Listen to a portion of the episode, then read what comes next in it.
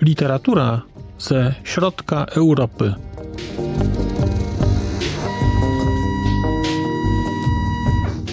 Podcast około książkowy.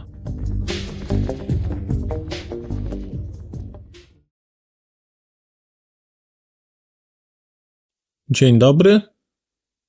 Witam Państwa i zapraszam po raz kolejny na spotkanie z literaturą. Marcin Piotrowski, podcast Znak litera człowiek, literatura ze środka Europy.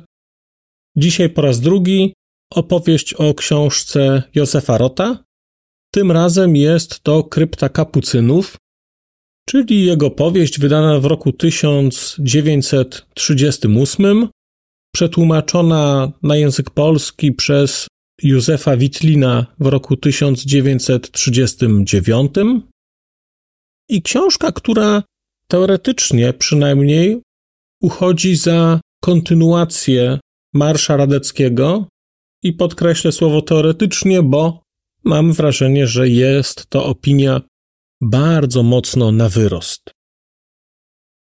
Krypta Kapucynów to jest książka, której głównym bohaterem jest inny przedstawiciel rodu von Trotta, to znaczy inny w stosunku do Marsza Radeckiego. Mamy więc tutaj nadal von Trottów, po prostu kogoś innego z tej rodziny. I z tej perspektywy, z perspektywy tego człowieka, tego bohatera głównego, oglądamy ostatnie lata ceka monarchii pierwsze lata Republiki Austriackiej, a właściwie całe dzieje Republiki Austriackiej i moment, kiedy Austria niepodległość traci. Akcja więc tej książki rozgrywa się na przestrzeni lat powiedzmy kilkudziesięciu, około dwudziestu, dwudziestu kilku powiedziałbym. I jednocześnie, jeżeli weźmiemy pod uwagę, że to jest książka mniej więcej o objętości połowy Marsza Radeckiego, to już widać, że narracja, która tutaj jest prowadzona, będzie narracją innego typu. Tempo akcji będzie innego typu. I w ogóle ta książka jest książką inną. Zaczynałem czytać Kryptę Kapucynów, będąc przekonanym, że będzie to jakiś spin-off Marsza Radeckiego, mimo że Wiadomo, że musieliby to być inni bohaterowie, no bo główni bohaterowie Marsza Radeckiego no nie bardzo w realnym świecie mogą nam coś jeszcze powiedzieć. I czytałem tę książkę i mniej więcej dopiero po dwóch trzecich zorientowałem się, że to jest zupełnie inna książka. Więc od razu powiem, że jeżeli znacie Państwo Marsz Radeckiego i będziecie czytać kryptę kapucynów, to musicie odciąć grubą kreską to, co wiecie z Marsza Rodeckiego.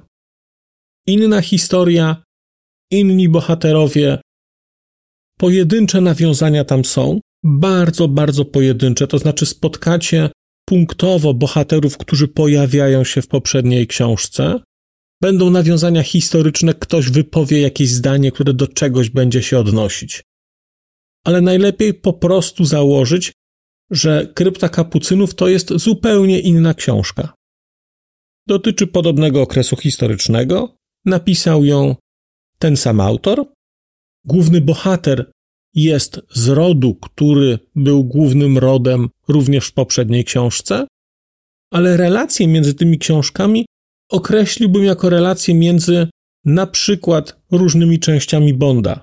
Ten sam bohater Podobna historia, podobne założenia, zupełnie różne filmy, brak realnego powiązania. Możemy szukać na siłę pewnych rzeczy, ale nie warto. I jeżeli z tej perspektywy zaczniecie Państwo tę książkę czytać, to mam wrażenie, że będzie Wam dużo łatwiej, dlatego że nie zmarnujecie dwóch trzecich tekstu, tak jak mówiący te słowa, na szukanie nawiązań, na zastanawianie się, dlaczego ta książka jest tak bardzo inaczej napisana, dlaczego jest inna narracja, dlaczego są inni bohaterowie, dlaczego wszystko jest inne. Ano dlatego, że jest to inna książka. Na czym polega inność krypty kapucynów? Przede wszystkim na tym, że to jest książka, która jest skupiona na rzeczywiście tym, co wydarzyło się w Austrii po I wojnie światowej oraz w trakcie I wojny światowej. I o ile Marsz Radeckiego pokazuje właściwie dorastanie i właściwie funkcjonowanie w tym systemie, który się zaczyna kończyć, ale tak naprawdę kończy się pod koniec książki, kiedy wybucha wojna, o tyle w krypcie kapucynów wojna wybucha stosunkowo szybko. Mamy więc wątek wojenny, ale z kolei wątek wojenny, pierwszowojenny, pokazany jest zupełnie inaczej. Nie ma tu bitew. Nie znaczy to, że w Marszu Radeckiego są. Widzimy tutaj pierwszą wojnę po stronie austriackiej, właściwie austro-węgierskiej, jako serię porażek, jako serię nieudolności, ucieczek, wycofań, w końcu przegranej bitwy. Mamy bardzo, bardzo ciekawy wątek trafienia do niewoli przez głównego bohatera, podróży na Syberię, mieszkania na Syberii, powrotu stamtąd do Europy, do Austrii. Rzecz bardzo interesująca, nie spotkałem się z tym, jeżeli chodzi o Austrię, bo na przykład wiem, że legiony czechosłowackie tak właśnie funkcjonowały, że w którymś momencie zostały na skutek różnych historii, powiedzmy, dosyć głęboko w Rosji się znalazły i później ci legioniści, Masaryka chyba, wracali do Czechosłowacji z Rosji przez Stany Zjednoczone. Bardzo interesująca historia, ale na inną opowieść. W krypcie kapucynów mamy więc pokazane końcowe cesarstwo, końcowe. W ramach tego końcowego cesarstwa oglądamy prowincje, oglądamy różnice między prowincją a Wiedniem, mamy możliwość zajrzenia do urzędów, zobaczenia, jak się sprawy w urzędach załatwiało, co można było załatwić. Potem mamy epizod wojenny i później mamy chyba najbardziej interesującą tak mówię z perspektywy całej lektury, część tej książki, czyli pokazanie świata powojennego. A ten świat powojenny jest radykalnie inny. Widzimy więc tutaj bohatera, który wraca i który nie bardzo potrafi się odnaleźć, bo nagle skończyło się coś. Skończyły się czasy arystokracji, skończyły się czasy ludzi, nazwijmy to majętnych. Główny bohater jest, można powiedzieć, zbankrutowany. Jego matka zainwestowała sporo pieniędzy w pożyczkę wojenną. Nie zdaje sobie sprawy, że te pieniądze straciła, nie bardzo potrafi zarządzać pieniędzmi. Główny bohater także nie potrafi. To jest klasa, no klasyczna klasa próżniacza. Właściwie niczego nie umieją, a już wkrótce będą musieli utrzymywać się z pracy swoich rąk, mówiąc kolokwialnie. Widzimy też tutaj, jak bardzo zmieniło się w krótkim czasie społeczeństwo austriackie. Widzimy powstające partie lewicowe, socjaldemokratyczne. Widzimy działaczy komunistycznych. Widzimy ogromną zmianę, ogromną zmianę, jeżeli chodzi o pozycję kobiet w społeczeństwie. One nagle stają się bardziej wyemancypowane, wchodzą w oficjalne związki ze sobą, i jest tutaj też cały taki wątek tej, powiedzmy, awangardy, czy jakichś takich ruchów artystycznych dwudziestolecia. Tego, że właściwie każdy mógł się próbować dorobić, każdy mógł uważać, że jest artystą, coś oferować. Bardzo to jest interesująco pokazane, taki, taki bardzo żywy obraz. No i mamy też pokazany antysemityzm, i mamy pokazany antysemityzm, który był, który potem zanika w którymś momencie i który później zaczyna się odradzać. Porównując tę książkę z Marszem Radeckiego, powiedziałbym, że tu jest wszystko inaczej. Jest inny sposób narracji, inne tempo narracji. inaczej są rozłożone akcenty, i wydaje mi się, że główne przesłanie tej książki jest o czymś innym. O ile Marsz Radeckiego był książką o ceka monarchii, o tyle Krypta Kapucynów, mimo swojego tytułu, bo Krypta Kapucynów to jest miejsce, gdzie pochowani są Habsburgowie, kolejne pokolenia Habsburgów, więc mimo tytułu, który obiecywał wątek habsburski, tu wątku habsburskiego nie ma. Tu jest wątek austriacki, powstania tego kraju i też nie ma tutaj polityki. Jest minimalnie, pojawia się w postaci jakichś pojedynczych wydarzeń. To, co się dzieje, poznajemy z zachowań ludzi, z sytuacji, którą oni opisują, z tego, że mają miejsce jakieś wydarzenia. A kluczowe jest tak naprawdę bardzo symboliczne ostatnie wydarzenie, kiedy główny bohater jest na kolacji w jakiejś tam gospodzie prowadzonej przez Żyda i ten Żyd zamyka to miejsce, zostawia klucze głównemu bohaterowi i prosi go, żeby, żeby się obsłużył, a jak będzie wychodził, żeby zgasił światło. Kiedy bohater chce zapłacić, ten Żyd mówi: Już nie mam na to czasu i wychodzi. I jest to bardzo, bardzo symboliczne. No nie chcę powiedzieć, że zakończenie, bo ta książka jeszcze później się chwilkę toczy, ale takie bardzo symboliczne podkreślenie pewnego końca mitu tej dwudziestoletniej Austriackiej Republiki. W krypcie kapucynów są wreszcie postacie kobiece. Są trzy postacie kobiece tak wyraźnie zarysowane. Jest to matka głównego bohatera. Jest Elżbieta, czyli jego późniejsza żona. I jest Jolanta, czyli węgierska, powiedzmy artystka, ale trochę hosztaplerka, te trzy postacie odgrywają dosyć istotną rolę w tej książce i nie są już tak bardzo tłem, jak były postacie kobiece w Marszu Radeckiego. Bardzo ciekawie pokazana jest relacja głównego bohatera ze swoją żoną, z Elżbietą. To, jak on się na początku jej wstydzi, tego, że w ogóle się w niej podkochuje.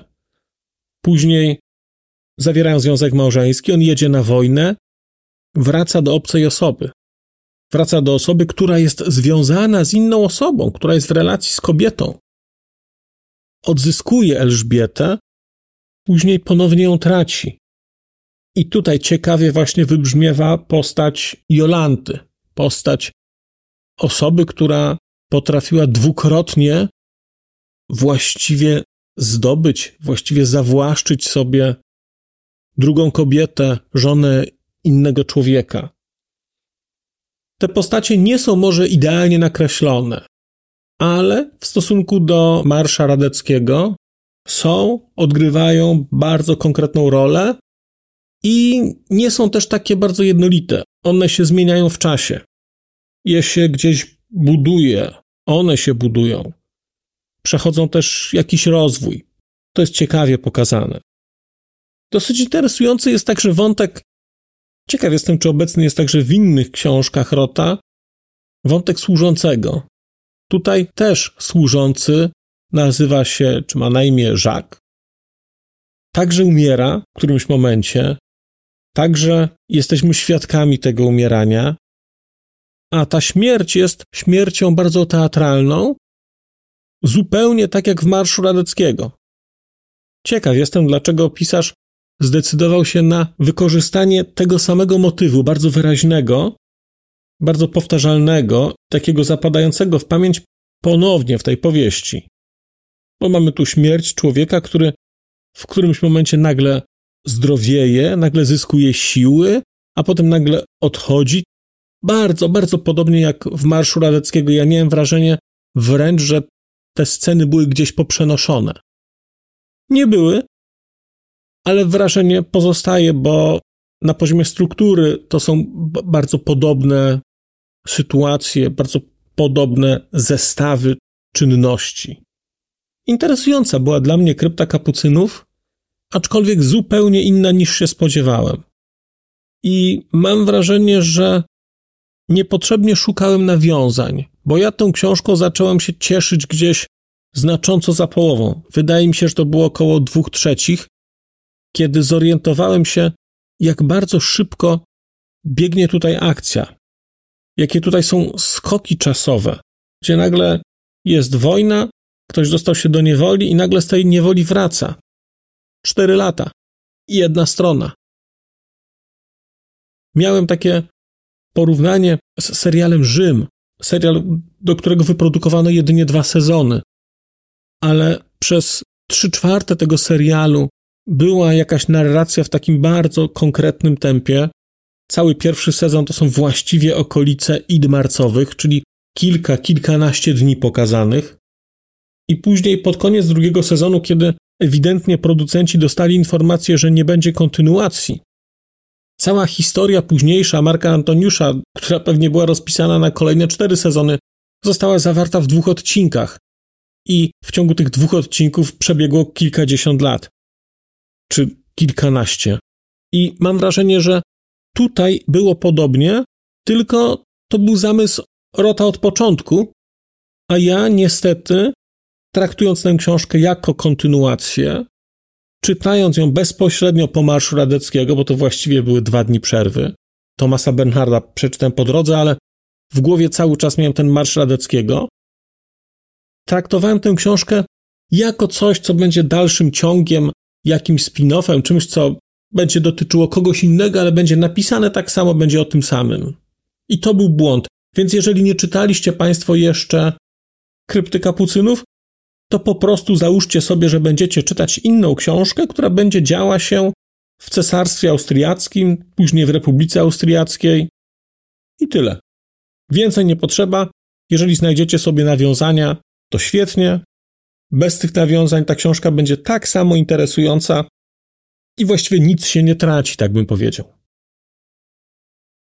Ja do Józefa Rota będę wracał. Nie wiem jeszcze kiedy, bo kolejka austriackich pisarzy rośnie, a także ci nowsi tam się dosyć mocno dobijają. Ale ta krypta kapucynów mi się podobała, chociaż, jak mówię, wielce żałuję, że to, o czym ona jest, złapałem tak późno. No ale za intelektualne gapiostwo się płaci. To chyba wszystko na dzisiaj. Bardzo dziękuję Państwu za uwagę. Zapraszam do komentowania, zapraszam do dzielenia się refleksjami na temat tej książki lub dowolnej innej. Powrócę do Państwa wkrótce. Tymczasem mówię do usłyszenia. Przez mikrofon zabawiał Państwa Marcin Piotrowski. A już zupełnie na koniec powiem, że skoro wysłuchaliście Państwo tego odcinka, to w jego opisie znajdziecie link do serwisu YouTube. W wersji YouTube'owej e, jest miejsce na skomentowanie go. To jest takie miejsce, gdzie można komentować ten odcinek, rozmawiać, zadawać pytania, wymieniać się spostrzeżeniami, do czego Państwa bardzo zachęcam, gdyż udało się już na tym YouTubie zgromadzić trochę bardzo ciekawych osób, bardzo ciekawych komentarzy i trochę stworzyć taką społeczność ludzi rozmawiających o książkach. Też na koniec, zupełnie na koniec, e, poproszę Państwa o wystawienie oceny mi w ramach e, tych platform podcastowych, na których Państwo tego odcinka wysłuchaliście. I nieważne jaka ta ocena będzie, istotne dla mnie po prostu, że będzie. Tymczasem się żegnam już naprawdę i do usłyszenia za czas jakiś.